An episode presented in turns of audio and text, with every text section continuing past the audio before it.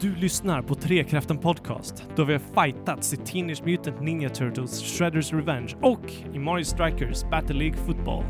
Dessutom snackas det solbrytande jakt i Monster Hunter Rise, Sunbreak.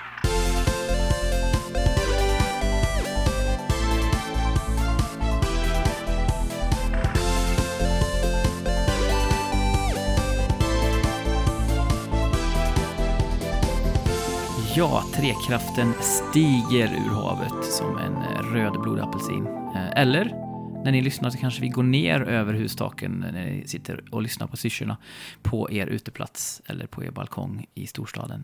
Hur som, så är trekraften tillbaka här med eh, ett sista avsnitt innan sommaruppehållet. Så att om ni mot förmodan inte kan få nog av oss, höll jag på att säga, så kan ni lyssna på det här avsnittet om och om igen under sommaren. Eh, och då rösterna ni hör är mig, Jesper, och det är Fabian också. Jajamän.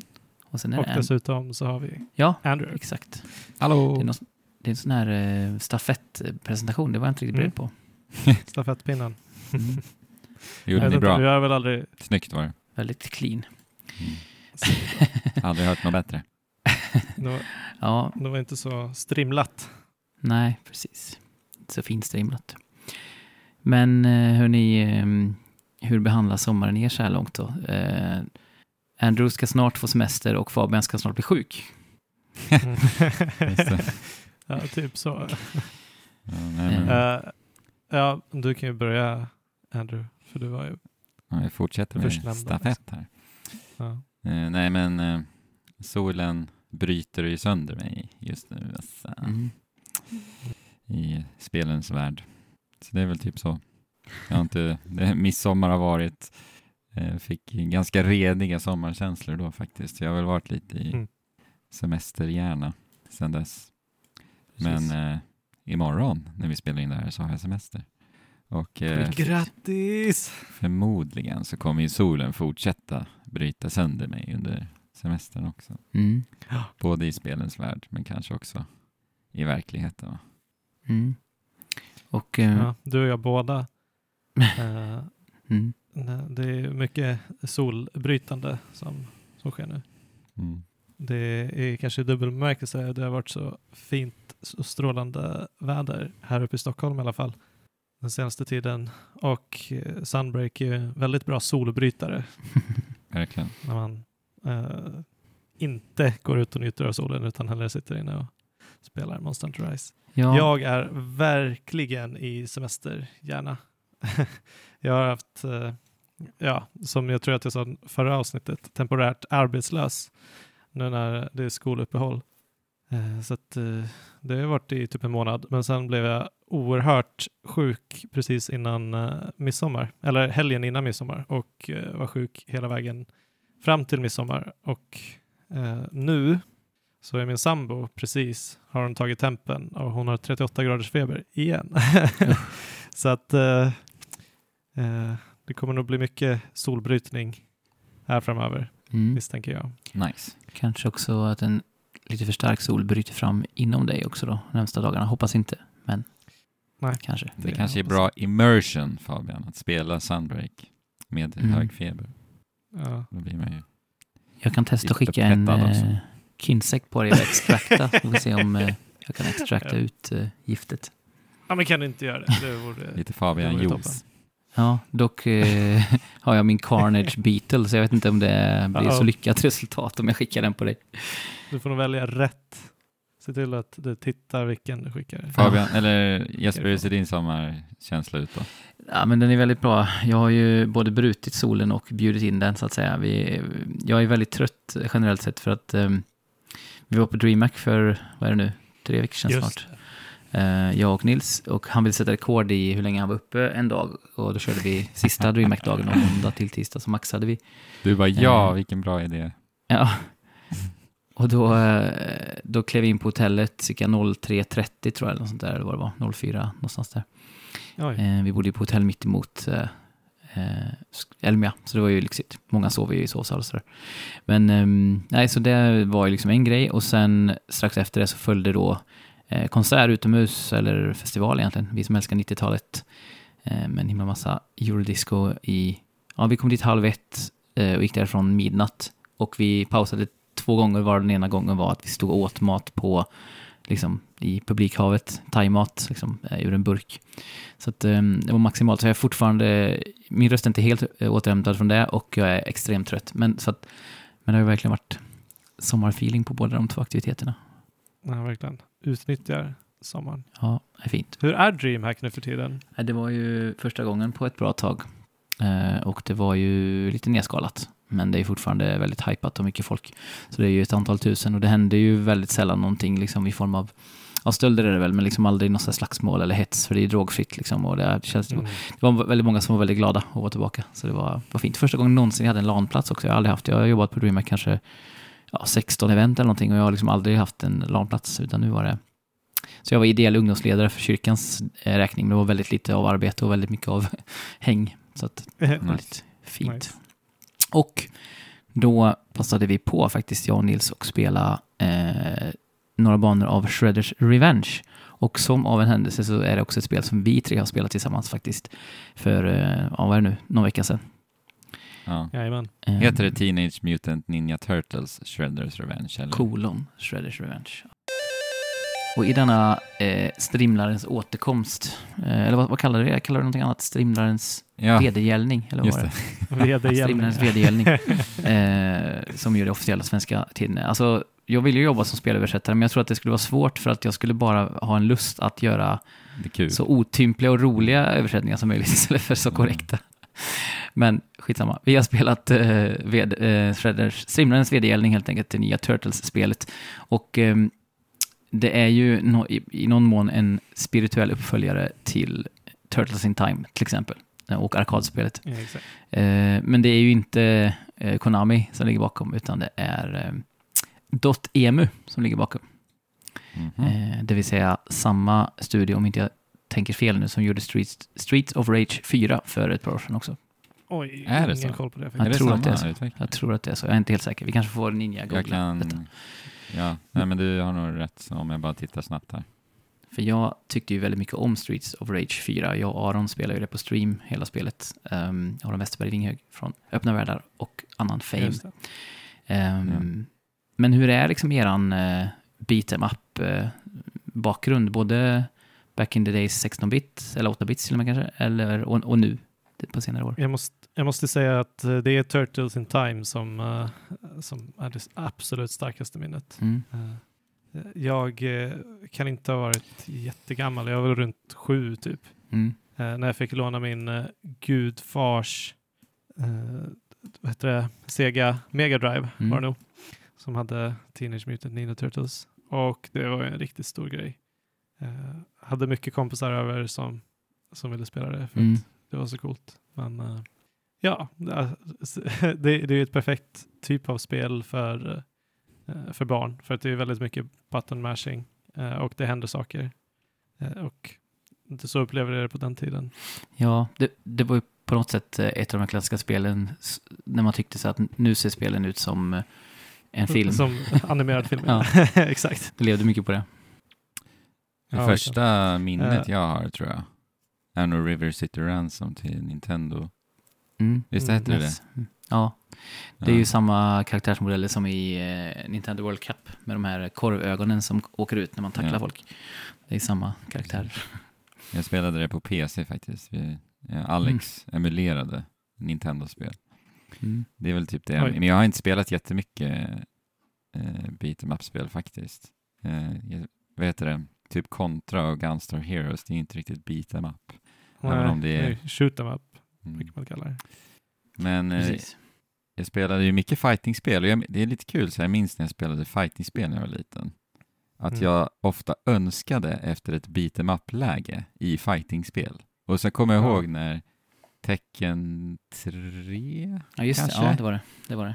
ja, när de introducerade ett så här beat em up single player-läge. Och jag tyckte det var så jäkla coolt. Mm. Och det var typ det ballaste och häftigaste någonsin just då för mig. Mm. Eh, De hade ju bara se den utvecklingen in i 3D liksom. Ja. De hade ju volleyboll också, va? I, det, i Ja, eh, hade. Tekken 3. Jag tror man kunde köra volleyboll. Mm. Men Ja. så, jag har inte så mycket relation till beat'em up faktiskt. Det är väl ingen favorit för mig överlag. Så, och du, du har desto mer eh, relation till beat'em up. Ja, precis. Jesper. Jag är ju precis tillräckligt gammal. Jag är lite, lite äldre än er i alla fall. Och jag har ju liksom precis guldåldern på något sätt med, eh, alltså Mor- äh, Mortal Mm. Kombat säger jag. Eh, Double Dragon var ju kanske min favoritspelserie när jag var liten. Eh, Double Dragon 2 och 3 har jag spelat sönder och samman. Eh, jag tror jag pratade om det förut med just Double Dragon 3 som var, ja, det var ju väldigt svårt också. Man fick ju ett extra liv när man hade klarat typ bana 4, annars hade man bara ett liv. Plus att man då mötte den här himla bossen i slutet, jag berättade det förut i podden. Där jag precis lyckades besegra den bara för att inse att det var bara första fasen. Eh, och jag hade ju liksom Ja. inget liv kvar, så stendog och Underbart. sen har jag aldrig tagit mig till den bossen igen. Var det första Ehm. gången du fick uppleva den klassiska spelkonventionen? Ja, det var nog faktiskt det. så jag blev väldigt förvånad.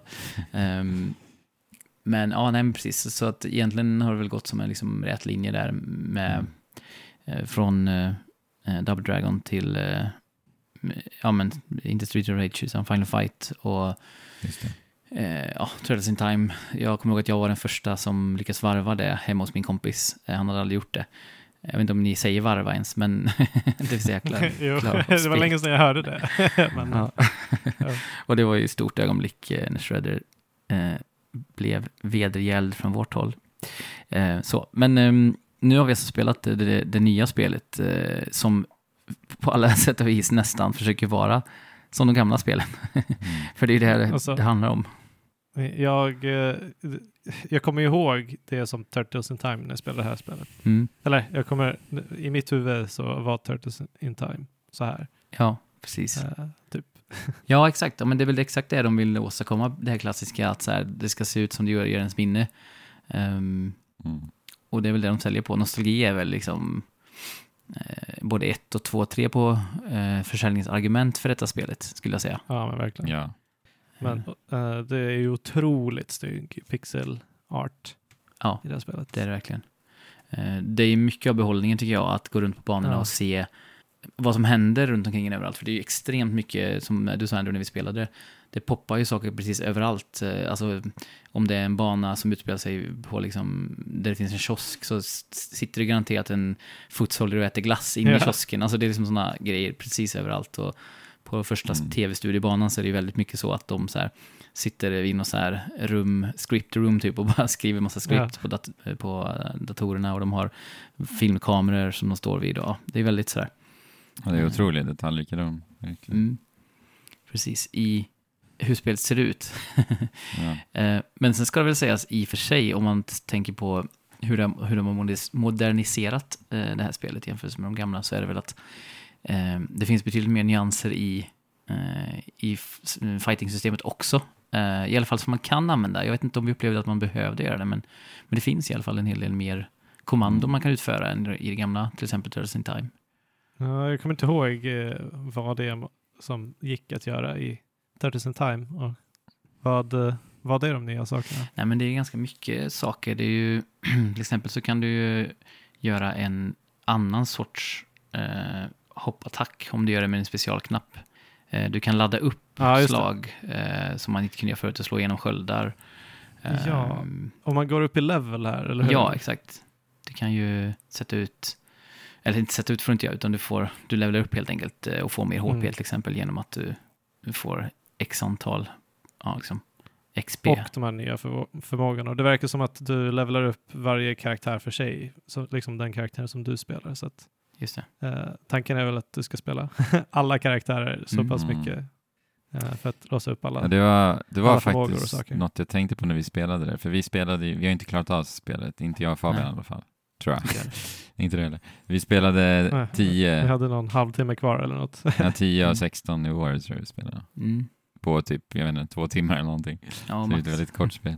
Men eh, jag tänkte faktiskt på det i efterhand, att så här, för att för mig så är ju spelet lite eh, på den simplare sidan. Alltså det är lite för hjärndött för att jag ska känna mig liksom engagerad på riktigt. ja, exakt. Men eh, kanske att de, om de hade liksom uppmuntrat till att faktiskt byta karaktärer lite emellanåt, så kanske det hade Mm. i alla fall eliminerats något, jag vet inte. För jag spelade ju Nu gör de ju samma tvärtom. karaktär hela tiden. Ja, Spelade du April eller? Jag kommer inte ihåg. Ja, exakt. OP. OP-karaktären. karaktären. Mm. Men ehm, ja, nej precis. Det är ju den ena liksom, infallsvinkeln på det. Och den andra vinkeln som man kan ha, som jag kanske lutar, som jag kanske lutar mer mot, är ju eh, att spelet är liksom perfekt för vad det vill vara på något sätt. Ja. ja, men det är väl det. Eh, Alltså, alltså jag, jag, jag håller med om att det är liksom, jag skulle inte sätta mig ner och spela det här och njuta av det, men att sitta och spela tillsammans med er, det var liksom perfekt och man kan sitta och småbabbla. Liksom. var ett och bra man behöver inte hängaspel. fokusera, ja, Mm. man behöver inte fokusera så mycket liksom. Nej. Men om jag ska vara Eh. ärlig så, så här, jag kommer ju knappt ihåg vad, spe, vad vi spelade. Alltså om jag tänker på spelet. Nej, liksom. man går ju bara framåt och Trycker på på knappar. knappar. Mm. liksom. Men det här är lite återkommande eh, i den här podcastens historia, tycker jag, att jag är något mer positiv till, jag vet inte vad jag ska kalla det, men just det här med bara så här, att färgerna och formerna liksom Ja. eh, eh, förför Mm. mig tillräckligt för att förlåta ett simpelt gameplay eller så.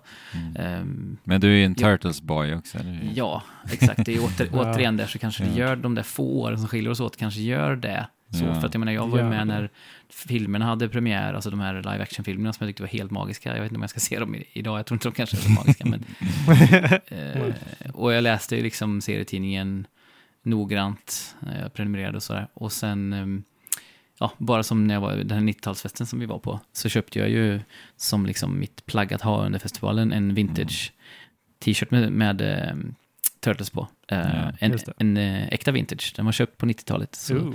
så det var jag nöjd över. 150 spänn också, det var, kändes som ett fynd. Mm. Eh, och det var ju många som kom fram på festivalen, eh, också i diverse, vad säger man, tillstånd som inte var helt nyktra. Och ville prata Mhm. om spelet, spelen. Det var lite intressant att folk var så här, åh, Turtles, jag spelade jättemycket när jag var liten, jag tyckte det var skitkul. Det var alltid Ja, spelen som kom upp, det. alla gånger jag pratade med någon så Ja. var det spelen. Och så frågade jag alla, så här, ja, det, kom, det har kommit ett nytt spel för två veckor sedan, har, du- har du kört? Och alla bara, nej.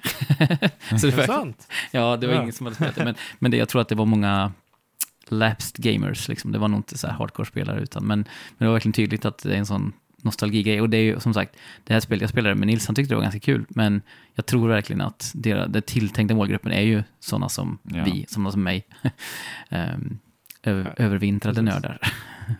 Ja, för men att- också, som sagt, jag var inte superstort uh, Turtles-fan. Jag vet att eh, jag kanske såg något eh, avsnitt någonstans, men det, det var ju svårt att undkomma. Jag vet att vi Mm. hade eh, vi hade någon så här, ni, ni vet för jättelänge sedan så kunde man köpa eh, typ så här silikon eh, t- formar som man gjuter Mm. eh, stat statyetter i så får man måla dem. Vi Mm. hade en Ninja Turtleson och jag tyckte den var så himla cool. Mm. Men eh, jag har inte, som sagt inte läst eh, serietidningarna. Jag är inte så, så pass insatt i eh, liksom storyn, eh, omständigheterna. Nej. Så, att, så att eh, det blir ju lite att bli inkastad i en eh, eh, kontext som jag inte känner till. Så Nej. därför kan inte jag kanske dra de, lika, lika många paralleller och eh, se de detaljerna som du gör. Nej. Nej, jag Mm. tycker samma sak med grappling-systemet. eh, På tal om förnyelser så ja, det var ju, fanns ju det gamla också, visserligen det här man kan kasta dem mot skärmen, vilket ju är en sån Ja. typisk eh, callback då, men Det var så himla coolt. Så här, så här. ja, Va? Kastar man dem in i tv-rutan? det går ju fortfarande att göra. Men det finns också Ja. en hel del andra kast, eh, det finns väl tre olika man kan göra tror jag. Eh, Och det, så det finns en hel del små grejer som man kan göra för att liksom mixa upp sitt gameplay, men det är väl som du var inne på ändå, att man måste ju inte det. Man kan ju i princip på normal som vi spelar på så kan man ju bara hamra på knapparna. Och jag vet inte om, du, om det egentligen gör någon skillnad att spela på svårare svårighetsgrad heller. Det känns Nej. inte som att gameplayet är liksom riktigt Man byggt kanske måste vara lite mer eh, noggrann. Men eh, det, det kändes som att vi bara pumpade de här superattackerna hela tiden.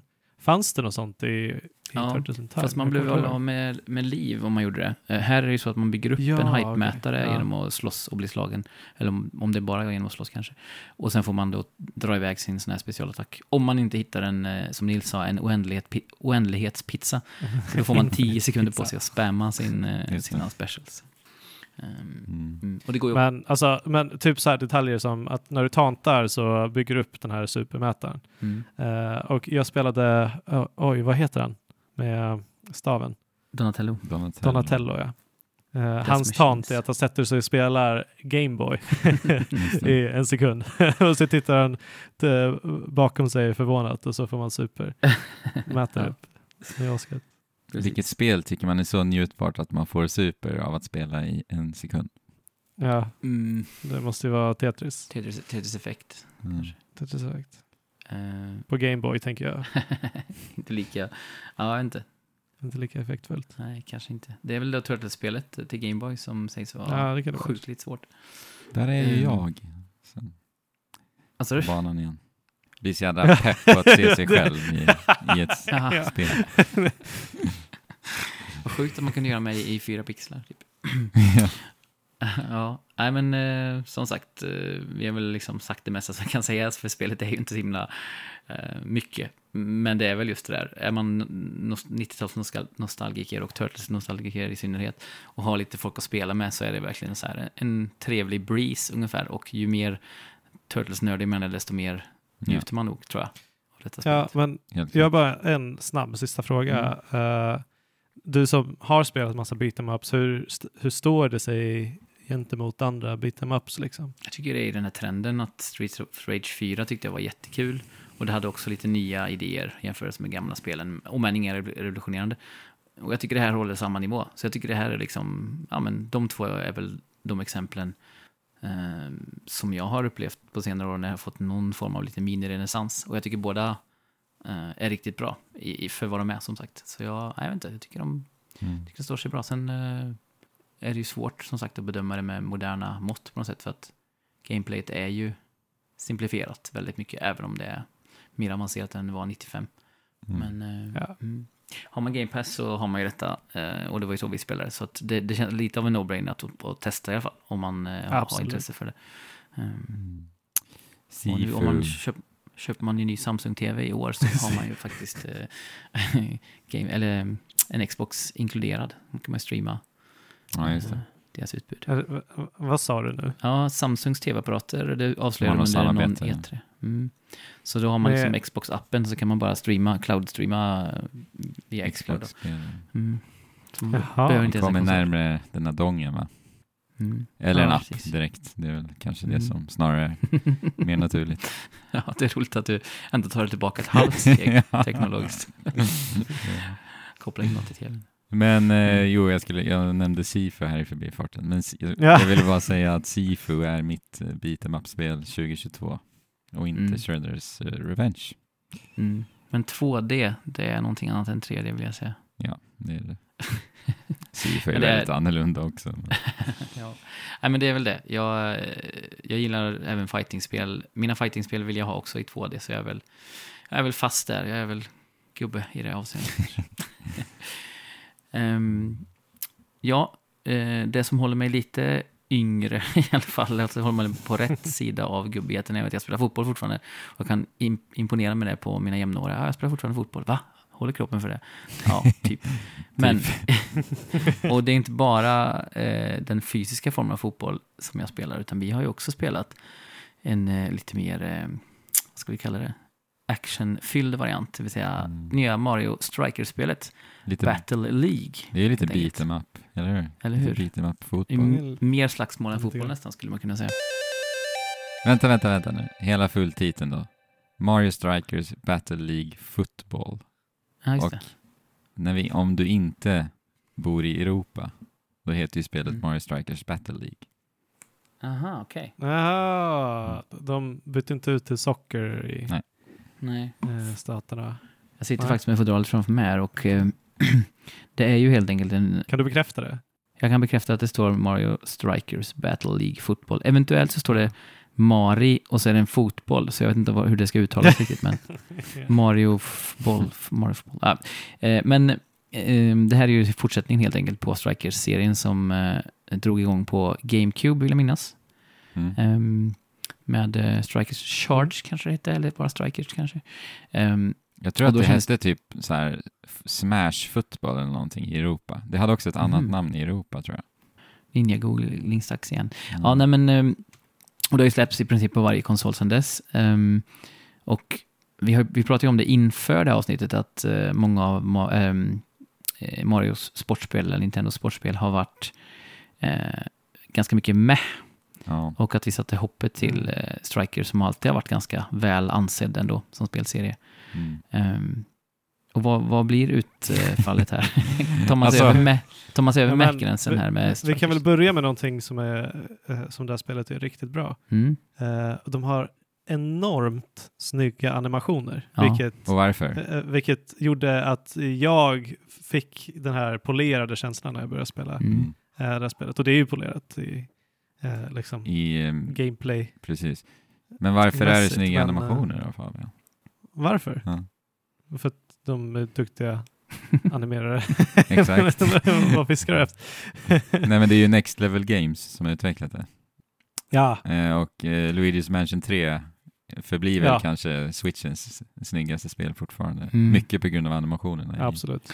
Och Luigi's det var det 3. jag ville ha sagt egentligen med fodralet. Eh, att eh, det tilltalar också jättemycket tycker jag. Och även hur eh, Ja, menyerna är så uppbyggda, det vill säga Ja, med det här... Eh, liksom. ja, det är Ja. lite Street Fighter 4-känsla nästan med det här eh, skissartade, vad säger man, bläckstilen liksom. ja. Ehm, Ja. Så man, Otroligt snygg art direction. ja, man får ju verkligen känslan som du sa det Fabian av att här har de verkligen eh, satsat. På. Mm. Mm. Ehm, och sen så kollar man runt i menyerna, eh, vilka jag också tycker är rätt så konstiga och krångliga. Eh, inte minst när vi skulle spela ihop där märkte vi att det var väldigt krångligt. Ehm, så märker man att det, det, ju, det finns ju inte mycket här. Eller så här, alltså, man, vad gäller spellägen och så. Ehm, Men nej, det gör inte det. Och för det första, det finns ju i princip inget single player-läge att spela solo ensam. Det finns ett och då spelar du typ turneringar emot eh, datorn liksom. mm. Och det är väl eh, ett dussin kanske. Man låser upp lite svårare efter de initiala första också. Men det är det, Ja. punkt slut. Och sen så låser du upp Alltså- typ pengar.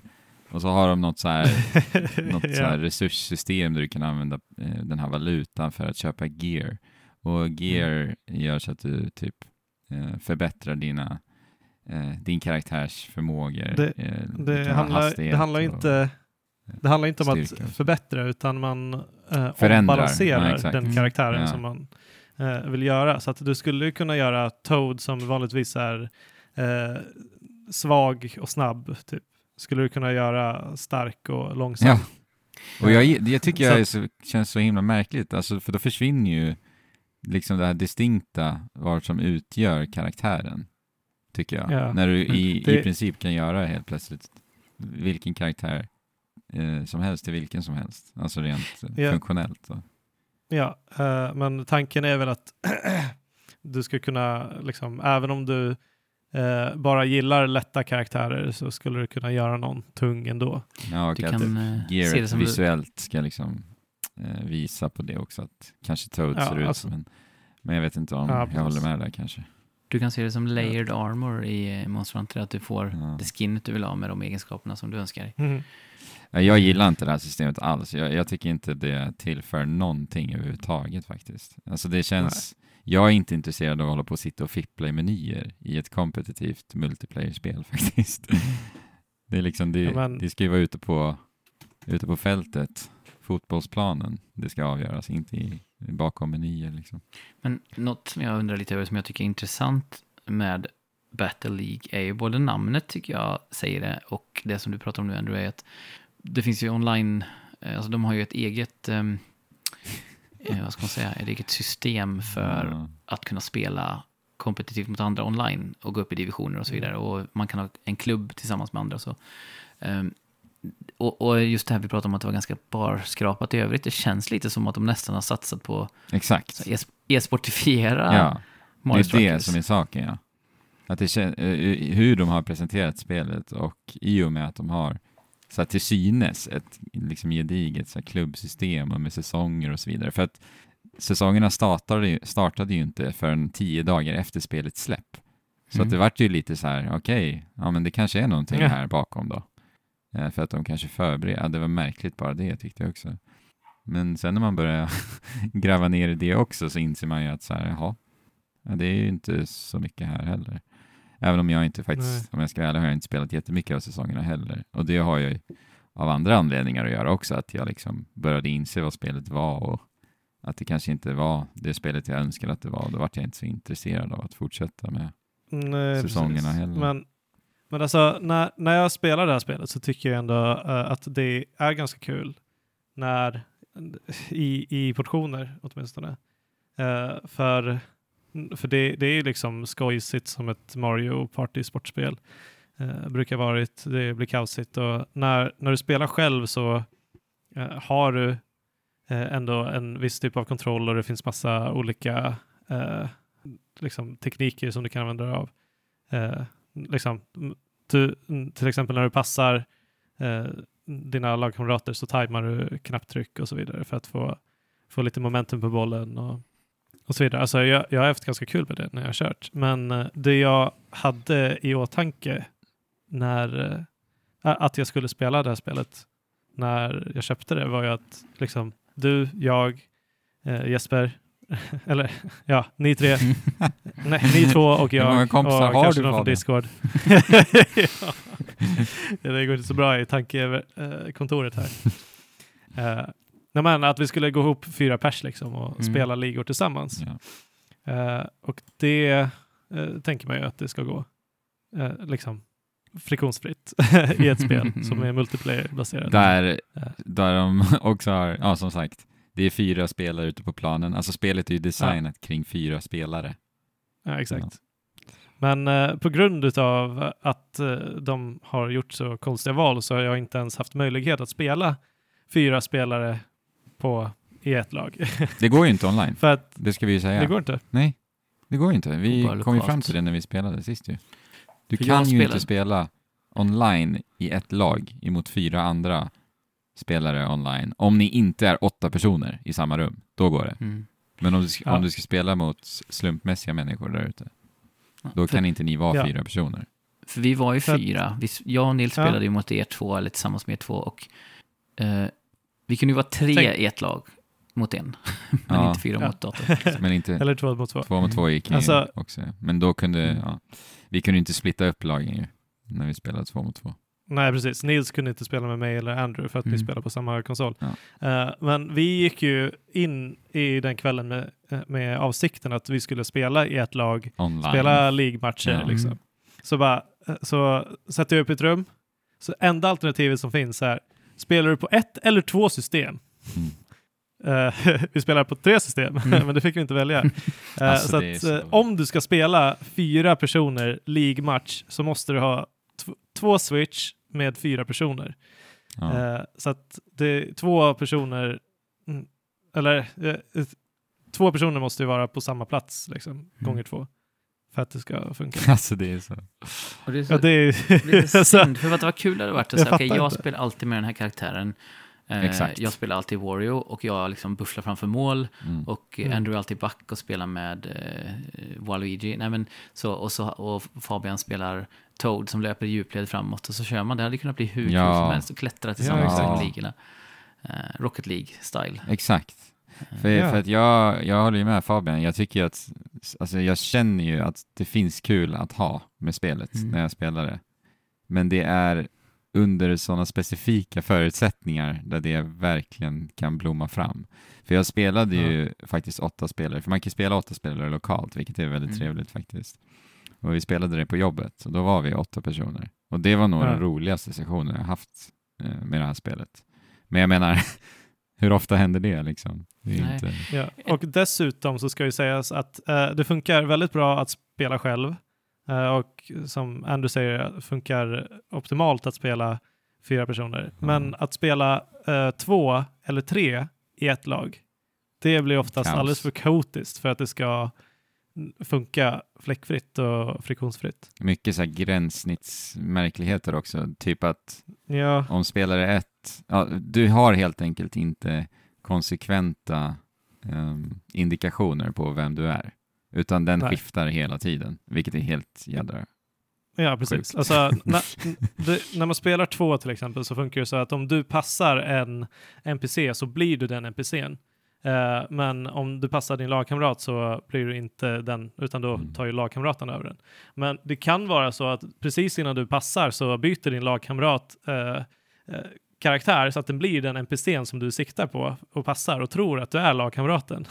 och sådana tillfällen uppstår hela tiden. Så flyger det items överallt. helt förvirrad. Och det Ja, blir och- påpucklad av eh, motståndarna. Alltså det, Och, och det här brukar vi- man ju lösa i andra fotbollsspel, till exempel Pro Evolution, som vi har kört mycket med kompisarna i det här läget. Vi har spelat VM-turneringar mot datorn, till exempel på hög svårighetsgrad. Mm. Eh, genom att bara ha en fixed position. Så att vi har liksom, Ja. ja. men jag är bara högerback. Så att om, jag, om bollen kommer ut på högerbacken, då vet jag att det är jag som kommer ha den bollen.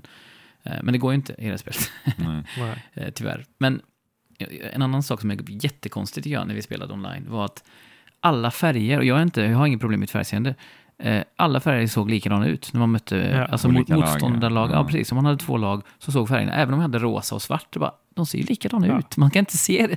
Alltså det var en Nej, jättekonstig precis. grej. ehm, Ja.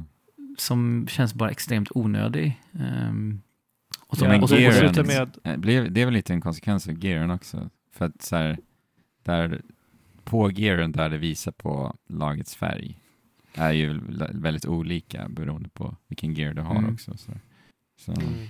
men sen som ni sa, har sagt varit inne på några gånger, så är ju spelet faktiskt oväntat djupt. Och det kanske också är talar för det här att de har tänkt sig att det här ska bli en e-sport eller så. För att det finns ju jättemånga små nyanser. Eh, Det är ju inte bara så här tackla, springa snabbt, skjuta, specialskott, utan det finns ju massa, massa små nyanser och små Mm. liksom, tekniska tricks man kan göra i spelet. Ehm, Mm. verkligen. Som man, också, som, man kan gör cancella animationer och mycket Mm. timing-element som sagt, som Fabian sa. Så. Så jag, jag tror nästan, jag blir liksom mer och mer övertygad ju mer vi funderar på det, att de har suttit i så här tidigt i utvecklingen bara Mm. okej, e-sport, det, det verkar liksom så här, ja men vi ser Rocket League till exempel. Ehm, vi försöker närma oss det, för det känns som att Mm. många val har gått Mm. eh, emot det. Fast de har ändå inte gjort det fullt ut, för det är ju inte alls tillräckligt intuitivt Ja. för att funka. Nej, men det är så synd. Alltså, det är så dåligt med valmöjligheter. Jag tänker också så här, varför är alla matcher låsta till fyra spelare? Varför kan vi inte spela två mot två eller en emot en kanske inte hade varit så kul kanske. Men, men ja, alltså det är, låt spelarna bara leka med allt vad spelet erbjuder. Lite som ja, Rocket League till exempel. Det är Ja, så precis. synd. Mm. Väldigt mycket Nintendo-frustration. Ja, och Mm. eh, något som vi inte har nämnt riktigt är ju det här med eh, gimmicken i det här spelet med Hyperstrikes, eller ja, det finns väl i alla de här spelen, men ehm, det är ju att man eh, plockar upp ett föremål på, ehm, på planen och det, blir man då dunderladdad i ett antal sekunder med he- hela ens lag och så kan man göra de här Hyperstrikes. De tar ju tid att ladda upp också, så då riskerar man ju att bli tacklad under tiden man står och laddar upp, så då måste man rensa fältet innan och det är ju väldigt viktigt eh, för att kunna få Mm. iväg de här skotten. Men de är ju Precis. också så här superspektakulära. Det är, vi pratade om Nintendo World Cup förut. De hade ju sådana här. Det här är ju liksom 5.0-versionen av det. Eh, Man får se en ascool animation med karaktären och så gör den något, Ja. något passande skott för den. Till exempel Yoshi som skjuter iväg ett ägg och så vidare, ett megaägg. Eh, Eller Rosalina som eh, skjuter upp bollen i över en måne och gravitationsaccelererar ner bollen på jorden igen. precis. Så Ja, det känns ju som sagt både spelmässigt och liksom i de animationerna som att det skulle kunna bli så mycket mer än vad, än vad det mm. faktiskt är. Ja, och Vilket vi får väl se om det följer Nintendos trend att uppdatera deras sporttitlar mycket efter släppet. Mm. Mm. Ja, vi får se om Ja, vi får hoppas på det. Battle League blir mer chargeat med innehåll framöver. Men just nu känns det lite, tyvärr fortfarande på fel sida med gränsen faktiskt. Ja. Jag är nog, jag, Ja, jag är besviken tyvärr. alltså på det här spelet, Mm. faktiskt. Men det är lite som de andra sportspelen också. De är inte dåliga, till exempel golf och tennis, men det finns bara inte... Det finns liksom ingenting som bara suger dit och drar en dit. Liksom. Det, finns inte, det känns lite platt Exakt. i alla de fallen. Um, Mm. Men med eh, Streamlarens eh, vd-delning och eh, Mario-anfallarnas eh, kampliga eh, lagt åt sidan så ska vi ägna oss åt eh, huvuduppdraget i detta avsnitt.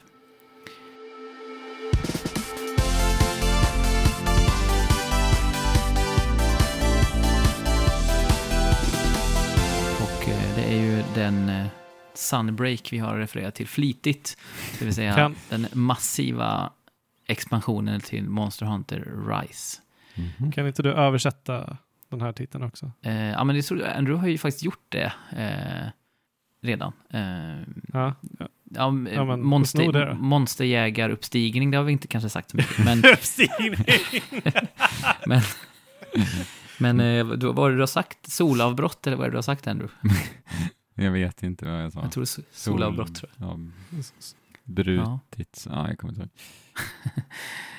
Monsterjägar, uppstigning, Uppstigning. solbrott.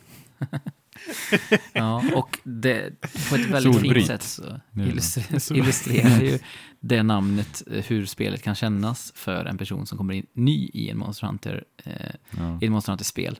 Eh, men det var ju faktiskt så att Rise gjorde ganska mycket för att eh, eh, ja, jämna ut den tröskeln lite grann och göra det lite Ja. enklare och smidigare att komma in i. Och det fortsätter ju som vanligt då när det blir ett sånt här en tillägg i Monster Hunter-serien så blir det ju att ja, Master Rank-versionen då, som detta är, lägger till ytterligare fler sådana här quality of life-grejer som känns som de nästan så här okej, nu har vi inget mer vi ska sälja, så nu kan vi ge alla, alla de här sköna sakerna som nästan kanske borde ha varit inne från början för att, för att strömlinjeforma spelet. Man kan Ehm. springa på väggen utan att wirebugga sig upp nu. Precis. Springa vet ni. Och Nej, många men- av de där sakerna känns ju bara som att ibland kan det nästan vara svårt att veta vad det är de har lagt till för att det känns så naturligt som sagt i, i spelmotorn och i spelet sen tidigare. Men det är lite kul, Men- på tal om det Jesper, så här, nya spelare som hoppar in i spelserien. Vi har ju en på Discord som, Mm. eh, fast han, nu kommer jag på att han faktiskt spelade Monster Hunter World också. Men hur som helst så är det kul att följa hans kommentarer lite titt som tätt på vår Discord. eh, för det är inte de eh, eh, ljuvligaste av kommentarer, om man säger så ibland, utan det är ju en del frustration och sånt där. Eh, och det är ju, alltså det är ju ändå eh, anledningar. det, det, det är ju bra anledningar till varför det finns en frustration. Mm. Eh, Och man blir ju bara påmind. Det är det jag tycker är lite roligt, att så här, för att jag är ju så van nu och jag har ju spelat så mycket Mm. Monster Hunter. Det sitter ju så mycket i, i ryggmärgen. Men bara som en sån här sak, typ att markera monstret, för det var jag tvungen att förklara för honom hur man gör. Så här, tryck in högra spaken och då markerar du först monstret och det ser du genom en, genom en monsterikon uppe i högra hörnet. Ja. Och sen så trycker du snabbt på L. För att, och du, du kan inte hålla in och trycka och hålla in L, utan du måste tappa Nej. på L. För att låsa då kameran mot monster. Alltså det är så här, Ja, bara man sån. låser ju inte kameran utan du vinklar ju bara Exakt. liksom, Det är kameran ingen Zelda dit. Så att- Z-locking liksom. Nej. Nej. Nej. Men det är kul det där för att eh, jag spelade ju Sunbreak lite på egen hand först innan jag hoppade in i gemensamt jagande och det gör man ju för det är ju en tutorial och grejer och sådär. Eh, eller en tutorial-jakt. eh, och då slog det mig verkligen hur mycket som jag, för det är ju det första Monster Hunter-spelet jag faktiskt på allvar riktigt, riktigt tar mig an, även om World var någon slags halvsteg in i det. Eh, Du hade väl ändå bara- 80, 80 timmar någonting? Ja, Ja. jo, precis. Och 70 i Rise tror jag, så jag har ju faktiskt spelat eh, World mer än Rise då. Men, men jag kände ändå att jag var liksom mer, vi spelade väldigt mycket ihop och jag, jag frågade ju en miljard frågor Mm. under alla de här 70 timmarna som gjorde att jag, att jag lärde mig väldigt mycket. Och som sagt, nu när jag spelar Sunbreak så bara, ja just det, det här sitter bara i, liksom, i fingertopparna och så här, ja nu har jag det här behovet, då ska jag ha ett sånt här obskyrt item eller så här, Ja, just det. Just det, nu måste jag tänka på slipa här, för nu har jag tappat lite, eh, lite sharpness på mitt vapen. Och det var bara som så här, jag har liksom lärt mig ett helt nytt Mm. språk i och med Monster Hunter Rise. eh, som, som sitter Ja, fortfarande så här precis. ett halvår efter, eller vad det är, senast jag spelade. Eh, och det är Underbart. häftigt. Det är ju så. Så jag är invigd nu. Jag, nu, är jag en, nu är jag en Monster Hunter, jag känner det. Yes! Glada att ha dig som en, en jägar, jägarkompis. Ja, även om jag mest håller till i luften ovanför er, flyger runt. Just Inte så mycket på marken. Ja, det kan man göra. Eftersom jag kör Glaven, en stavhoppare man med. Men ja, vad, ehm, vad är Sunbreak om vi ska liksom börja i den änden lite grann? Eh, det är en stor expansion, får man säga. För det kostar ju Mm. också sin, sin penning Ja. om man ska köpa. Alltså ska man köpa Ja, båda det- så kostar det det väl är 400 900. spänn. Ja, 960 eller vad är det man ska köpa båda? Något sånt. Ja, är det så pass? Jag tror att de har någon Ja. sån här bundle där, man, där du köper båda. Men det, ja, jag har ingen koll. Jag vet inte. Men det är som sagt som du sa Fabian, 450 sa du det? 419 på Mm. e-shoppen. Eh, Bara det- expansion, ja. Mm. vilket ju är Ja. dyrare än många fullspel som man kan hitta där. Mm. Ehm, Men ehm, det är, ju, det är ju ganska sprängfyllt också, tycker jag. Jag vet inte vad ni har fått för upplevelse, men Jo, det är ja. ju ja men, det är det. mycket innehåll. men det här är ju en, eh, en eh, Monster Hunter G-rank expansion. Och nu, Ja. eh, I och med eh, den femte generationen med World så ändrade de ju det namnet till då Master Rank. Och då är det är då nästa svårighetsgrad egentligen kan man säga. Så att det här är den expansionen där de introducerar den svårighetsgraden till Monster Hunter Rise. Och sen så är det som sagt, de marknadsför det som en massive expansion, en massiv expansion, så att det är liksom otroligt mycket mer nyheter än så. Och det är också ofta en trend att de brukar liksom utforska vad de gör med grundspelet, liksom ytterligare, när de, Mm. när de gör en sån här master rank då, expansion. Mm. Det blir som ett tillfälle för dem att bara liksom gå total bananas med konceptet de har med spelet, med grundspelet och sen bara utveckla det ännu mer. Mm. Och det, jag tycker verkligen om den här mallen, om jag bara får säga det först alltså. Om man tittar Mm. på trender i spelvärlden med live service-spel eh, och hur de behandlas, så tycker jag om, bara så här kreativt, eh, den här mallen. Att grundspelet, där testar de någonting, de hittar någon kärna. Ja, men med Rise-exemplet då, så är det wirebugs i, i grunden. Mm. Och wirebugs låser ju upp liksom eh, snabbare jakter, snabbare monster och så vidare. Men sen med Sunbreak så bara så här, okej, let's do this, but eh, do it at 11. och eh, Mm. jag tycker det är så fantastiskt att de bara får utrymme som utvecklare att bara så här gå in för det, fokusera ännu mer på, på vad som gjorde Sun, eh, Rise till Rise. Eh, och sen så efter det här spelet så kommer vi troligen aldrig få se någonting av det här igen. Eh, så att nästa Monster. Hunter-spel kommer ju vara någonting helt annat och det är ju underbart. Mm. Det är det. Ja. Ja, verkligen. Ehm, men eh, som sagt, vi, det är en massive expansion eh, enligt dem och, och också enligt oss, som sagt. Mm. Eh, vad är det man får då? Eh, vad, vad har man i det här paketet om jag ska verka lite, vad heter han, Sverker Olofsson? Nej men alltså det är ju, jag skulle säga bara att det är mer Monster Hunter. Det, är- det vill säga det är mer, mer monster, mer rustning, eh, mer eh, switch skills, det vill säga attack, eh, möjligheter till dina vapen och så vidare. Så det är egentligen mer, mer av allt. Mm. Vi får ju faktiskt också en helt ny eh, plats, en helt ny hubb by. att vara på. Mm. Så det utgår inte ifrån den här Kamura Village som man har eh, hållit till, utan man får röra sig över havet och åka till den lite mer europeiska Elgado. Ehm, Så jäkla mysigt. Älskar atmosfären alltså. ja, det ligger ju vid, eh, precis vid en enorm krater som är vattenfylld också. Det är väl det som är hela den platsens eh, stick. Och jag antar att man kommer fightas någonstans där i krokarna när man möter de här tre nya, eller någon av dem i alla fall, de tre nya, vad heter de, Lords, eller vad kallas de? Mm. Monster. Eh, som är huvudmonstren då. Mm. Eh, och en sak som jag verkligen gillar i, i eh, Sunbreak är att man har tagit bort, tror jag i alla fall, all form av um, Rampage-tvång. Yes. man var ju tvungen att spela det här, ja, så skönt, för jag tycker inte om det spelläget. Eh, så man var tvungen att ta sig igenom lite då och då i, i Rise. Återigen, det var ett experiment och sen så insåg de väl att det här ska vi inte lägga tid på i Sunbreak, utan vi ska fokusera på andra saker istället. Mm. Men, Vad är era eh, favoritgrejer så här långt? För du, du har ju spelat klart mest så här långt, Andrew, tror jag. Ehm, jag tror jag har spelat tio timmar nu i Sunbreak. Jag vet inte hur många du... Du har spelat idag bara, Fabian, va? Ja, jag kanske är uppe i typ samma. På en dag. Ja. Bra jobbat. Nej, nej, jag har spelat lite, Okej. lite Mm. titt som tätt. Jag är uppe i 35 tror jag. Mm. Galet. Det är, det är Monster Hunter, vet ni. Vad gör det med en? Beroendet är tillbaka. Ja, men jag Ja, menar, om jag har spelat med ett vapen i kanske 40 timmar i alla fall, minst. Eh, och så bara hoppar jag in i Sunbreak och bara fortsätter med exakt samma vapen, exakt samma attacker och bara, det här är så roligt fortfarande. Eh, det säger ganska mycket. Eh, Mm. För det är ju gameplay, liksom, det är det det handlar om. Och det är fortfarande lika roligt. Verkligen. Ja, jag har ju bytt vapen nu till Sword and Shield. Mm, mitt, Det var eh, väldigt svårt, nästan lite traumatiskt att, eh, att eh, lägga min Charge Blade på hyllan. Jag Mm. tvingade ju dig. Men eh, Andrew tvingade mig. Uh, Mm. Pilen, ja, en på Discord skickade till och med en så här survey, nej vad, vad heter det, sån här Poll. frågeformulär Mm. som, som ska, Ja, en enkät. Poll, ja. Mm. en, ka- ja, som, som ska bestämma vad du blir för, vad du borde köra för vapen. Mm. Och naturligtvis så fick jag ju Charge Blade, Mm. men det övertygade inte Andrew om att jag fick fortsätta med det. Nej. Men jag spelade ju med det i, eh, i World. Eh, Sword and Shield. Ja. Och Mm. då tyckte jag det var skitkul. Men då handlar det ju väldigt mycket om att, eh, att mounta eh, monstren med hjälp av Sword and Shield. Och det är ju inte riktigt samma system i, i Rise. Eller i, Nej, som, precis. Alltså, jag älskar Sword and Shield. Eh, Told ya. men det, jag, jag, tror, jag tror att man kommer dit med ett, varje vapen som, som du Ja, faktiskt oh ja. sätter in i.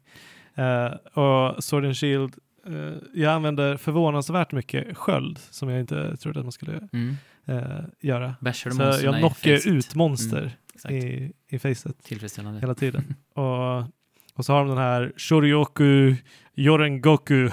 Met? Metsu Shoryugeki. en gång till. Metsu Shoryugeki. Shurigeki. Som, eh, som du både kan använda som en så här counter för att få en extra smäll. Men det är helt enkelt, man gör en uppercut med skölden. Eh, flyger högt upp i luften och så kan du dyka ner eh, ännu hårdare. Eh, och knocka ut monster. Mm. Och det är så tillfredsställande. Ja, just det. Det är ju Alltså, det är ju den här frame... det är gameplayet i det här Ja, spelet. det är det här frame-lagget som blir när man Ja. träffar hårt. Och det är Eh, ljudet, ni vet det här klingljudet. Kling. Ja. Och blåa skenet som sker. Ja, det är så snyggt. Ja. They know what they are doing alltså. Ja, verkligen. Ja, för jag har ju den Eh. switch-killen på min glaive sen, sen Rise. Att, eh, jag kommer inte ihåg vad den heter nu, men man... Eh, Diving Wyvern eller? Ja, Ja, och så liksom eh, drar man sig neråt stenhårt ner mot Exakt. marken. Med Mm. glaiven liksom i högsta hugg ner mot eh, monstrets Mm. förhoppningsvis svans eller huvud. Ja, precis. Den Du måste är spela. Insect Glaive i detta. Jag älskade Insect Glaive i Base Rise också. Mm. Mm. Men så är det chill bara. Eh, jag diggar jättemycket att du kan liksom typ göra oändliga kombos. Mm. Jag har typ aldrig kört något vapen som man gör det, kan göra Man slår ju rätt hårt med Ja. Sword and Shield också, det, för det tror man inte. Ja, nej precis. Men du kan ju flincha monster med bara liksom svärdslag. Så att, Ja. Eh, Ja, precis. Och jag hade ju en så här eh, affinity som är critical hit chance i, i Monster Hunter. En affinity-bild som eh, passar rätt bra till Sword Shield också eftersom man slår så mycket. mm. mm. jag var tvungen att Mm. prioritera Och- ner min affinity tyvärr nu. Åh nej. Ja. Var, det, var det jobbigt? Ja, men det var störigt för att eh, den nya mm, Warrior Glaive, som heter, Elgato Warrior Glaive, Glaive tror jag det är, eller sånt där. Den ehm, eh, slår ju mycket, mycket hårdare. Den slår ju typ, jag vet inte, 40-50 hårdare säkert, någonting mot den vad jag hade. Men den har typ noll affinity just nu. Mm. Och den andra hade väl, jag vet inte vad jag hade. Vad är rimligt att ha? Kanske hade 40, 35, 40 kanske, något sånt där. Men- På, på ett vapen, Ja. grund affinity. Ja, precis. På den, Ja, det är väl eh, någon som har så hög. Ja, Eh, men eh, bara Sword and Shield också. Nu har vi ju i Monster Hunter uh, Sunbreak så har vi ju skill swap. Switch skill Switch swap. Skill Swap. Heter det inte det? Switch Skill Swap. På Nintendo ja, Switch. de kunde inte kalla det. Switch Skill Switch. Eh, och man måste trycka på tre knappar samtidigt för att Ja. göra det. ja, det är, Det är sjukt omständigt. love it. Ja.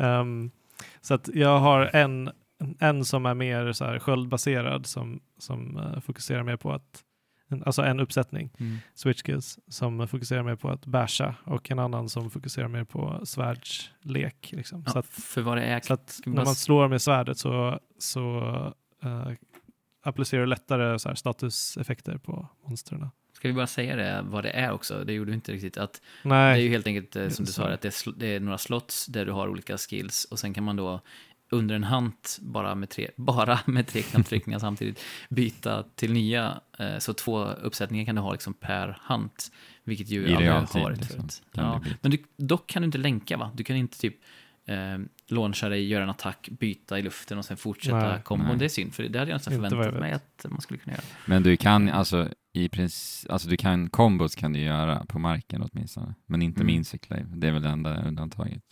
Ja, just det. Men jag menar, ja. Och vad man definierar som ett combo, det är väl en annan fråga. Men Mm.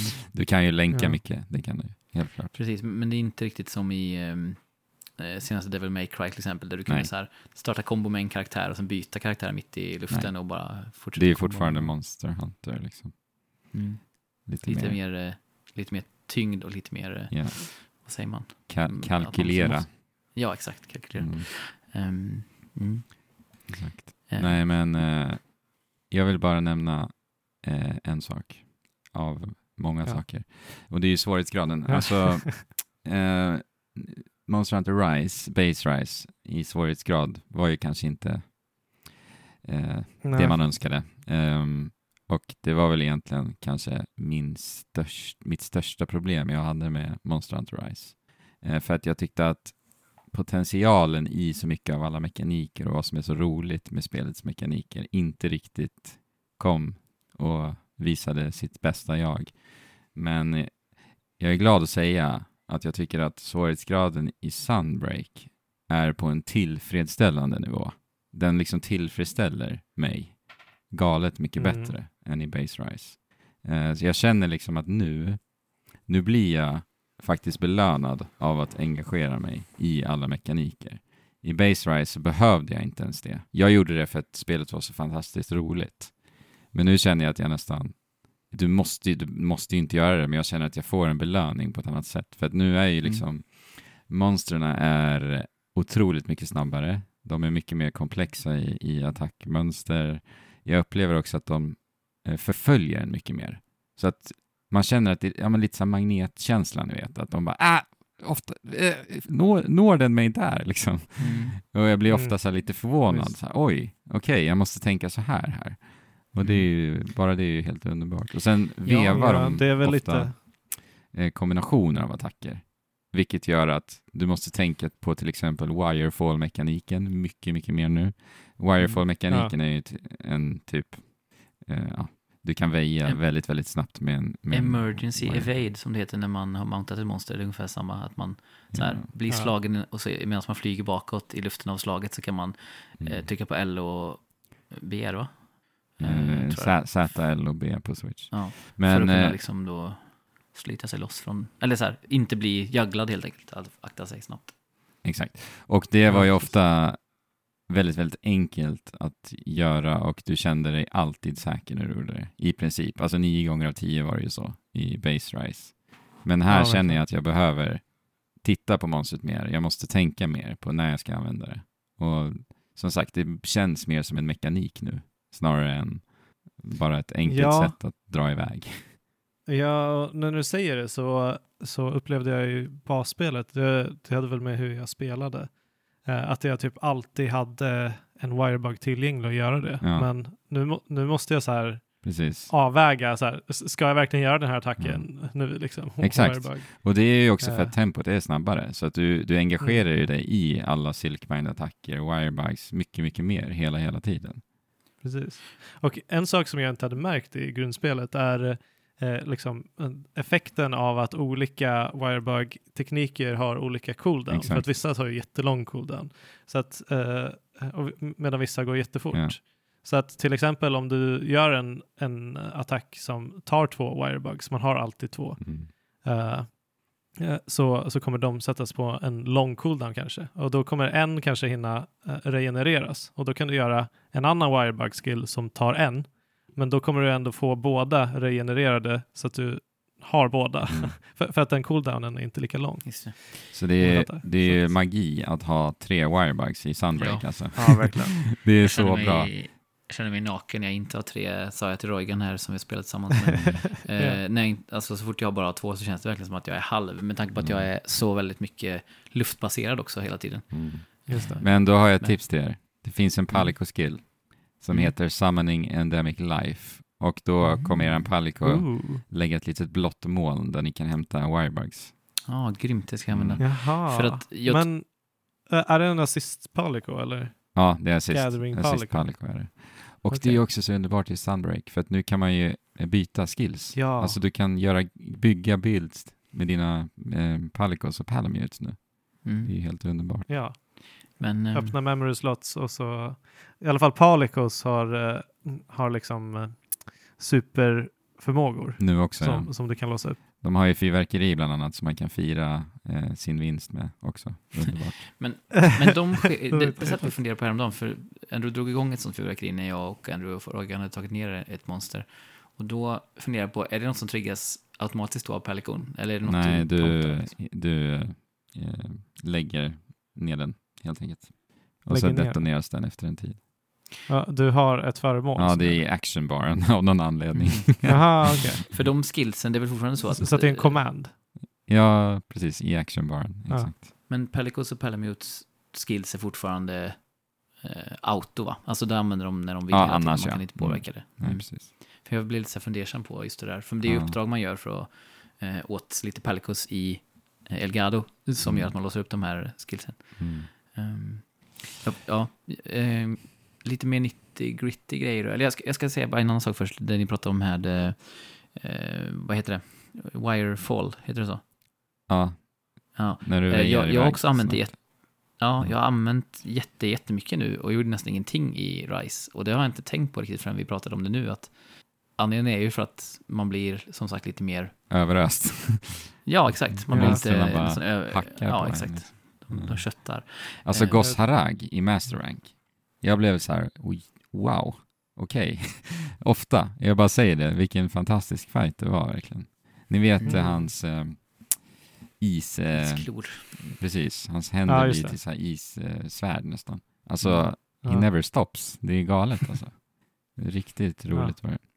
Får man, eh, alltså det är det jag tycker så mycket om med Rise också, att det finns så mycket counters, alltså kontringsattacker. Med, och det är lite Mm. roligt i Sunbreak nu, för att de har ju lagt till kontringsattacker på väldigt många vapen. Mhm. Och det är som Mm. att designersen har suttit där och bara eh, this will be needed. Eh, jag har spelat en hel del Greatsword i Sunbreak. Eh, Jag vet att den har en counter, men den, jag har inte fått den ännu. Och jag bara känner så här, när jag får countern till Greatsword, this weapon will be so great. It Ja, will för det var become the riktigt- Greatsword. Det var riktigt kul i, eh, i Base Rise, just den attacken eh, Mm. med eh, Great Sword. För det är ju mitt, eh, mitt andra hem. Och jag är Mm. sugen på att, att testa det igen, för jag har hört att Great, Great Sword ska vara Ah. riktigt bra i Sunbreak också. Jag älskar den i Sunbreak. Den har ju fått en, en ny så här combo, eh, comboattack, där det blir lite mera combo-spelstil med sig. Mm. Det, så det är inte charge-spelstil. Eh, och det är så här Ja, nice. extremt hårda slag. Liksom. Du skadar liksom så här 300-400 på varje Är slag. det sant? Ja. Mm. Och så blir det Men- det här... Ja, det är tunga slag. Det är en animation som är så galet snygg. Då karaktären så här slänger upp svärdet mot din andra hand, där du inte håller svärdet. Sen så Mm. slår karaktären på svärdet ner i marken. Med den andra handen så här. Dunk liksom. Så sjukt snyggt. Ja, jag blev väldigt sugen på att prova många olika vapen nu när vi pratar om det, måste jag säga. Ja. Ja, jag med. Men, men lite 90 gritty grejer då, som ändå är liksom verkligen eh, nya för Sunbreak, förutom Elgado och, och lite nya monster, så är det ju ja, men till exempel att man kan så här, göra en risk-reward-variant av eh, eh, det vill säga Langos. Dangos, det vill säga att man kan Ja, få, Ja, eh, vad är det heter? Hopping skewers. va? Hopping skewers, ja. Eh, som gör att ja, man kan få eh, en bra boost på sina, det är skill levels till och med väl på, på dem. Eh, Mm, så att man kan få olika effekter. Men det kan man också lägga till en ticket och så får man 100% sådana har jag förstått det som. va? Ja, inte på Ja. alla, men på vissa. Ja, Eh, det, det gör ju att det blir ännu lite ett pussel att lägga Ja. dangosarna. Liksom. För att eh, när du gör, sätter på den här effekten så kommer den högst upp att bli, eh, bli, gå upp i level men minskar ju sin aktivationschans och den längst ner kommer Gå ner. att gå ner i Mm. level men öka Just sin aktivations, Mm. aktiveringschans. Exakt. Eh, Mm. så att då, blir, då spelar det roll liksom var du sätter dangosarna och eh, vad de har för base activation chance Mm. och så vidare. Mm. Men som sagt, eh. Sunbreak lå- låser upp många liksom, barriärer som har funnits tidigare i RISE. Och bara så här som du sa Andrew, okej nu kan ni liksom lägga till den här grejen på den här som inte gick förut. Eller, eh, det är mycket sådana saker som, Mm. som man kanske inte alltid riktigt tänker på som sagt. Som- för mig som inte är någon veteran i spelserien så bara inser jag, just den här grejen kunde man ju faktiskt inte göra i, i original RISE, Ja. så det går ju nu. Du, Ehm, du kan favorita talismaner nu. Oh. Jag har ju typ så här, jag vet inte, säkert över hundra stycken som är ganska bra också allihopa. Så det är ganska Oj. skönt att så här, ja typ weakness exploit är ändå en sån här man återkommer till mycket. Och att bara favorita dem och ha dem så här snabbåtkomligt, det är ganska gött ändå. Och sen kan du sätta ut egna checkpoints på banorna nu genom eh, det, scouts. eh. Mm, en, en gång per hand så kan du resa till den punkten du har valt att sätta ut. Lite som medallions i eh, Breath of the Mm. Wild. Ehm, genom dina Palico Scouts då, som åker ut och scoutar miljön åt dig först. Det är, så, det är alltid så härligt att de har alltid in-game-förklaringar till alla de här konstiga eh, mekanikerna. Det Eh, är jättecharmigt. Ja, och vi, vi pratade om den här båten som man ser. Om man, om man skickar iväg Pelicos på uppdrag eh, så kan man ju, om man springer eller tar sig snabbt till eh, eh, hubben, Ja, På Mm. kusten, ja. så Ja, ser man dem kamera. att de åker iväg. Mm. Alltså i kamera, ja precis. Men nu har de ju en variant, eller inte variant på det, men en annan grej. Eh, där eh, katterna utvinner typ mineraler ur berget. Ja. Och när det blir dags för Dangos så kommer de farande med eh, ingredienserna på det här Ja. tåget som går runt. Elgado. Eh, Helt magiskt. Och, och tittar man på tåget när det är liksom på väg tillbaka från ett arbete, arbetspass, då ligger ju en Pelico i bak på vagnen och sover och chillar på vägen tillbaka till basen. Det finns så mycket sånt smått och gott. Men jag Ja, måste verkligen. Jag älskar säga, animationen på Palikon som står och svabbar däcket på, eh, på skeppet. Ja. Om du går upp där så är det en, en eh, ambitiös Paliko som vill bli kapten eh, en gång. Men nu, nu svabbar han däcket och han ska göra det så bra som han kan. men Han har hörni, liksom gjort den animationen. Bara för den. jag måste säga att eh, Fluffy Bunny Dango är svårslagen alltså. Låten ja. Låten. Ja. För det är ju en Ja, remix på den eh, här, fast det är ingen sång utan det är bara musik och de har ju... Mm. Ja, och den är ju lite, lite mysig va? Men det slår ju absolut det. inte kamera. Nej. Nej. Det är nästan så att det är värt att åka tillbaka till Kamera bara för att käka dangos. Helt klart. Så att vi bjuder faktiskt tyvärr inte på någon låt här idag. Nej, Det var lite det är så besvikelse. instrumental i så fall. Mm. Det är om vi kan lära oss att beatboxa den eh, så småningom kanske, när vi har spelat Ja, i... kör a cappella. Men eh, Precis. Jesper är också annars så är också eh, alla gamla monster, om man säger så, från, Mm. från Base Rise. De eh, har ju också fått eh, Nya mycket, moveset. mycket, precis, nya mönster. Eh, och det tycker jag har varit väldigt kul att upptäcka också. Man blir lite återigen så här, "Ugh, vad händer Ja. nu? Som Mina en två, gossarang bland annat. Som jag sa. Ja, mina två favoritmonster har jag inte träffat på än. Det vill säga Nargacuga och um, Tobi Katachi. Ehm, så jag ska se fram emot att se vad de har i bakfickan åt mig. För det är det som är så konstigt med det här spelet. Jag tycker synd om monstren när jag slår på dem. Det har sagt Nils också, att så här, det är egentligen inte synd om dem. Samtidigt så är det som att det är nästan som en så här kamratlig, som Ja, två ja. boxare som sparras på en älskar det. träning typ. Alltså Mm. så här, att monstret är typ med på att så här, okej, vi fightas lite nu, sen kommer jag liksom eh, bli carvad, men sen kommer jag respawna igen. Så att det är bara som att det är typ en avancerad lek ungefär, Mm. eh, får jag intrycket Ja. av. Eh, vi hade en, eh, en gäst som bodde hemma hos oss, eh, en gäst från Brasilien och jag har ju bara velat spela Monster Hunter så att vissa dagar så har jag bara spelat lite och hon har tittat på. Min sambo tycker eh, inte att Monster Hunter är något att ha för att hon tycker så synd om djuren eh, eller monstren Mm. som det eh, och eh, då vår gäst här hon, hon tittar på när jag dödar eh, vad heter den eh, kaninen Lagombi, Lagombi. ja. eh, hon tyckte den var alldeles för söt så att hon blev inte heller såld Du får slåss Så mot att, eh, typ så här... Krabborna då? Hade det varit bättre? Vad heter det? Ollon-monstret. ja Som man typ mår illa Ja, av att precis. möta. precis Vad är den heter? um, Kizu Keso, ja. Keso. Eh, Keso. Du får välja liksom med omsorg där. ja men precis du tog kanske det gulligaste monstret i spelet, nej exakt Ehm, Mm. det var ostrategiskt ja. Jag älskar ju krabborna för övrigt alltså. Det är så härligt Mm. att ha dem krabbar, tillbaka. alltså. De eh, är roliga. Krabbor är att- en av mina favoritdjur för övrigt. Ja. För att, för att de går åt sidan, de är väldigt wonky och Mm. när de känner sig hotade så, så dreglar de bubblor. Mm. Det är roligt att de eh, liksom, eh, vad säger man? Sköldar sig. Ja, de klorna. in sig eh, mot, Ja. Eh, mot slag. De tar fram klorna Mm. framför ansiktet och så här ligger och så här, är du klar snart? Och så typ öppnar de upp. Jag tycker det är Mm. så fantastiskt också att det är en mekanik av deras, eh, eh, vad säger man, skal, sköld. Mm. Ja, eh, så att ja, till exempel när jag spelar Gunlands, jag älskar att spela Gunlands mot krabborna för att då kan man bara bombardera deras eh, sköld eller skal eller whatever. Ja, just det. Och sen så bryts det sönder till slut. Och sen är det ju en mekanik där av att de till slut kommer hämta en ny. Och då kan det vara någonting annat liksom. Det är så underbart. jag. Har inte jag sett den. Mm. Eh, det finns ju två nya banor, de så kallade locations som de kallar det i, i spelet. Och det är ju Jungle och det är, jag har inte låst upp den där än, men vad heter den? Cit- Citadel. Citadel, ja. Och jag har ju bara spelat Jungle då som sagt, men första gången jag spelade den, jag bara mös runt och bara, Den det finns så ju så otroligt många små, ja, det är Ja, så många små skrymslen och Mm. sen helt plötsligt tar man en Great Wirebug och så bara flyger man över hela kartan till en helt annan platå. Eller kommer man upp, på en sån här, ni, vet, ni vet i Gears när vi spelade eh, ett av Gears-spelen så kom man upp på en platå där man träffar på någon slags avatar-liknande flygande monster Just som man det. typ räddar.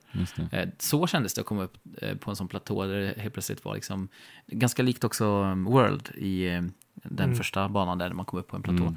Där det var ett stort bo och det var är verkligen, jag har inte utforskat alls eh, allt än, men den, den har väldigt mycket. Sen har jag hört att Citadel har ännu mer, Mm, den är riktigt cool alltså. Jag gillar verkligen Ja. Citadel.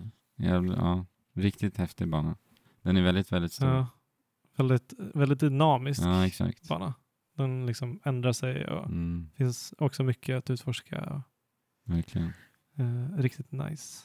men eh, innan solen går upp här för oss så kanske vi ska ta våra sista tankar om Sunbreak just nu. Jag kan glädja alla som eh, älskar Monster Hunter och eh, be om ursäkt till alla som inte älskar Monster Hunter. att Det kommer bli mycket Monster Hunter även i nästa avsnitt. Såklart, eftersom vi kommer att ha spelat mycket i sommar. Eh, Men har ni fler saker ni vill liksom få ur er? För jag vet att Andrew är ofta efter, efter avsnittet så här, ah, just det, nu glömde jag säga Ja. det här. Få ur mig det här. Nej, men det är så mycket. Det, det, går ju, det går ju att prata i all oändlighet om Mm. det här spelet. Det, det har vi mycket erfarenhet av. Mm. Eh, men just nu så tänker jag bara att jag bara vill spela. Ja. Eh, jag vill bara jaga. Jag ska gå och göra det nu när jag, så fort har stängt av. Jag också. jag, jag är lite så här, ska vi sluta eller? Jag måste sova tyvärr. ja, du får jaga i drömmarna. Vi får göra det. och sen är det semester och då blir det, Mm, då blir det jakt. Mm. Tänk, om det, tänk om, man, om det skulle skapas en eh, Monster Hunter temapark i Japan. Så man fick liksom så här eh, lösa pussel och Ah. typ strida mot eh, så här mekaniska monster. Det känns som det kanske är lite liability där med, med risk för skador. Men, men fatta vad coolt om man hade fått göra det. Besöka en temapark med Monster Hunter. Mm. Ja, jag hade ju dragit dit. Jag skulle vilja åka till kaféerna. Monster Hunter-kaféer. Eller Capcom-kaféer Ja. kanske till och med. Mm. Men eh, för att svara på din fråga Jesper. Ja. eh, det finns ju mycket att säga. Eh, jag älskar Gunlands fortfarande. Alltså det är så bra vapen. Det är larvigt alltså. Eh, en ny switch skill som heter Erupting Cannon. Där det exploderas ännu lite ytterligare. Och explosioner, Mm. det är ju någonting som är liksom eh, vapnets signum. Så att gillar man explosioner, då ska man spela Gunlands säger jag bara. Michael men den är- Weapon of Choice. Så jäkla roligt alltså. Great Sword som sagt, jag har spelat en hel del Sword and Shield också. Jag längtar till att jag låser upp switch, fler switch skills för att jag tror att vapnens potential verkligen kommer låsas upp mera. Speciellt för mig som spelade Rise, Base Rise otroligt mycket. Så jag har redan liksom utforskat så mycket av det, de som redan fanns. Så jag bara längtar tills jag ska låsa upp allt. Men eh, jag tänkte på också, det, ett nytt tillskott är de här follower quests ju.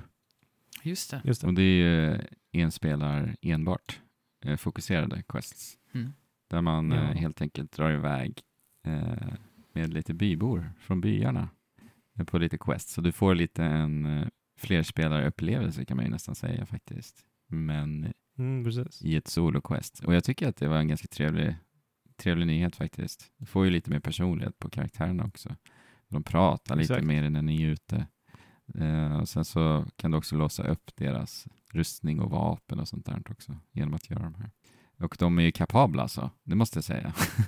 de kommer ju liksom ridandes på monster i bra tillfällen och Ja, lägger i fällor och eh, sätter sina Metsu Shoryugekis och så vidare. Så att det är ganska kul faktiskt. Ja, Men, eh, nej, men det, det är ju kul att de eh, har inspirerats av Dragons Dogma här några år efteråt. Det vore kanske Det- något coolt system. Mm. Att man skulle kunna spela follower med, om jag kan välja din hunter Jesper. Liksom.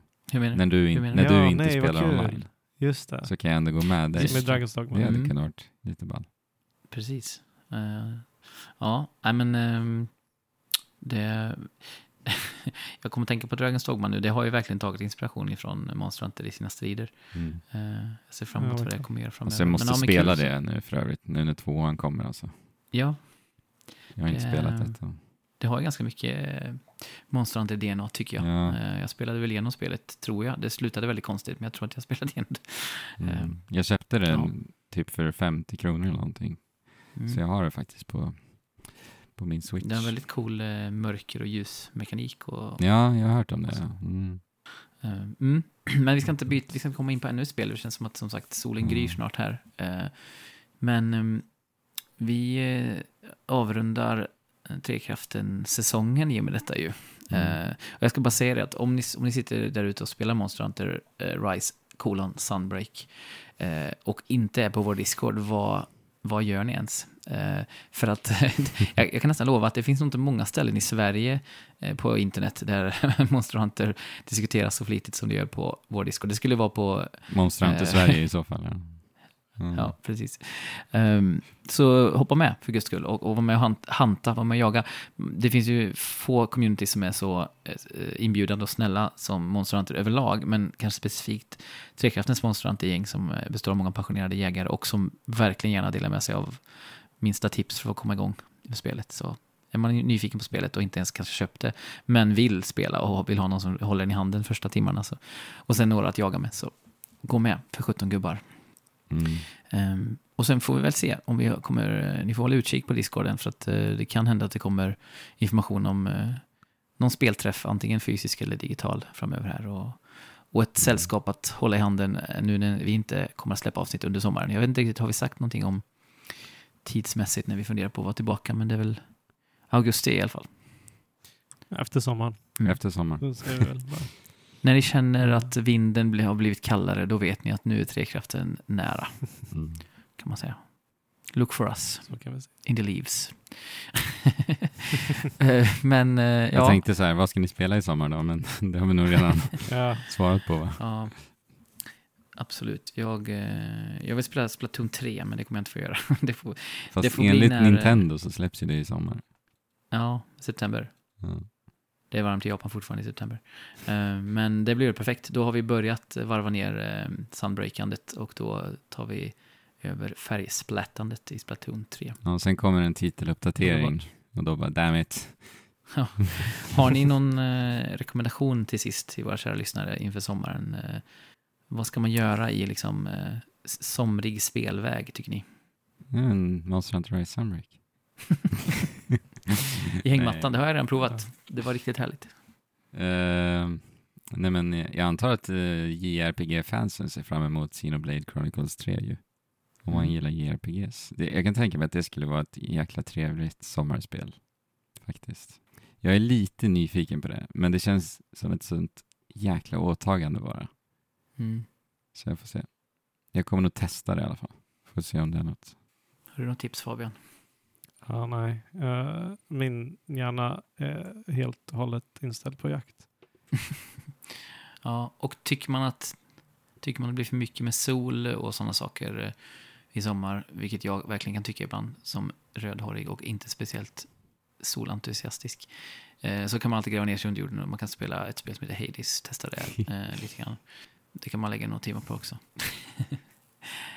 ja, Men det, det är ju en riktigt bra rekommendation. och a short hike. Har man liksom en och en halv timme över någon eh, regnig eftermiddag, spela short hike eh, också. Alex gamla pärla. Eh, men hörni, om inte vi har något mer att säga eh, just nu så får vi önska alla lyssnare en väldigt glad sommar tycker jag. Ja, Glad sommar! glad sommar. Och eh, spela på. Och chip. Jola! Ja.